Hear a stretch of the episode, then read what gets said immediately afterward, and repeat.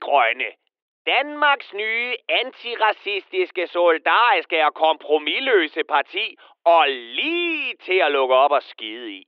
Udbryderkongen og klanleder Sekander Sedik, der uden evne forsøger at påkalde sig opmærksomhed som en anden gadesælger, står i spidsen for et af dansk politiks på forhånd kuglesejlede projekter.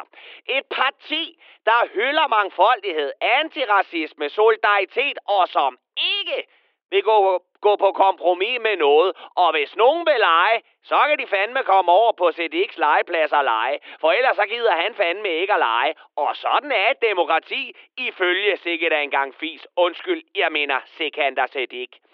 Kompromis er lige for pussies og folk, der ikke kan finde ud af at slå rigtige koldbøtter. Partiet er udsprunget af Alternativet, så nu er de selv alternativ til det alternativ, de var med til at starte.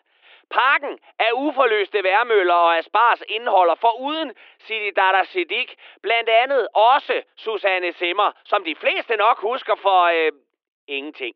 Partiet, der kompromilløst tror på deres egen berettigelse ved at kaste floskler og værdier om sig, som folk fra Greve smider affald i, i, i rabatten, vakler rundt som grim stork efter en takling. Og vil du være sikker, næsten sikker på at smide din stemme væk i en hæk med lakridskonfekt, så skal du stemme på Cirkus Krumspring, der prøver at sige alt det rigtige, men mest lyder som en klam saxofon i et rockband. Og det var Palle fra Kallenborg.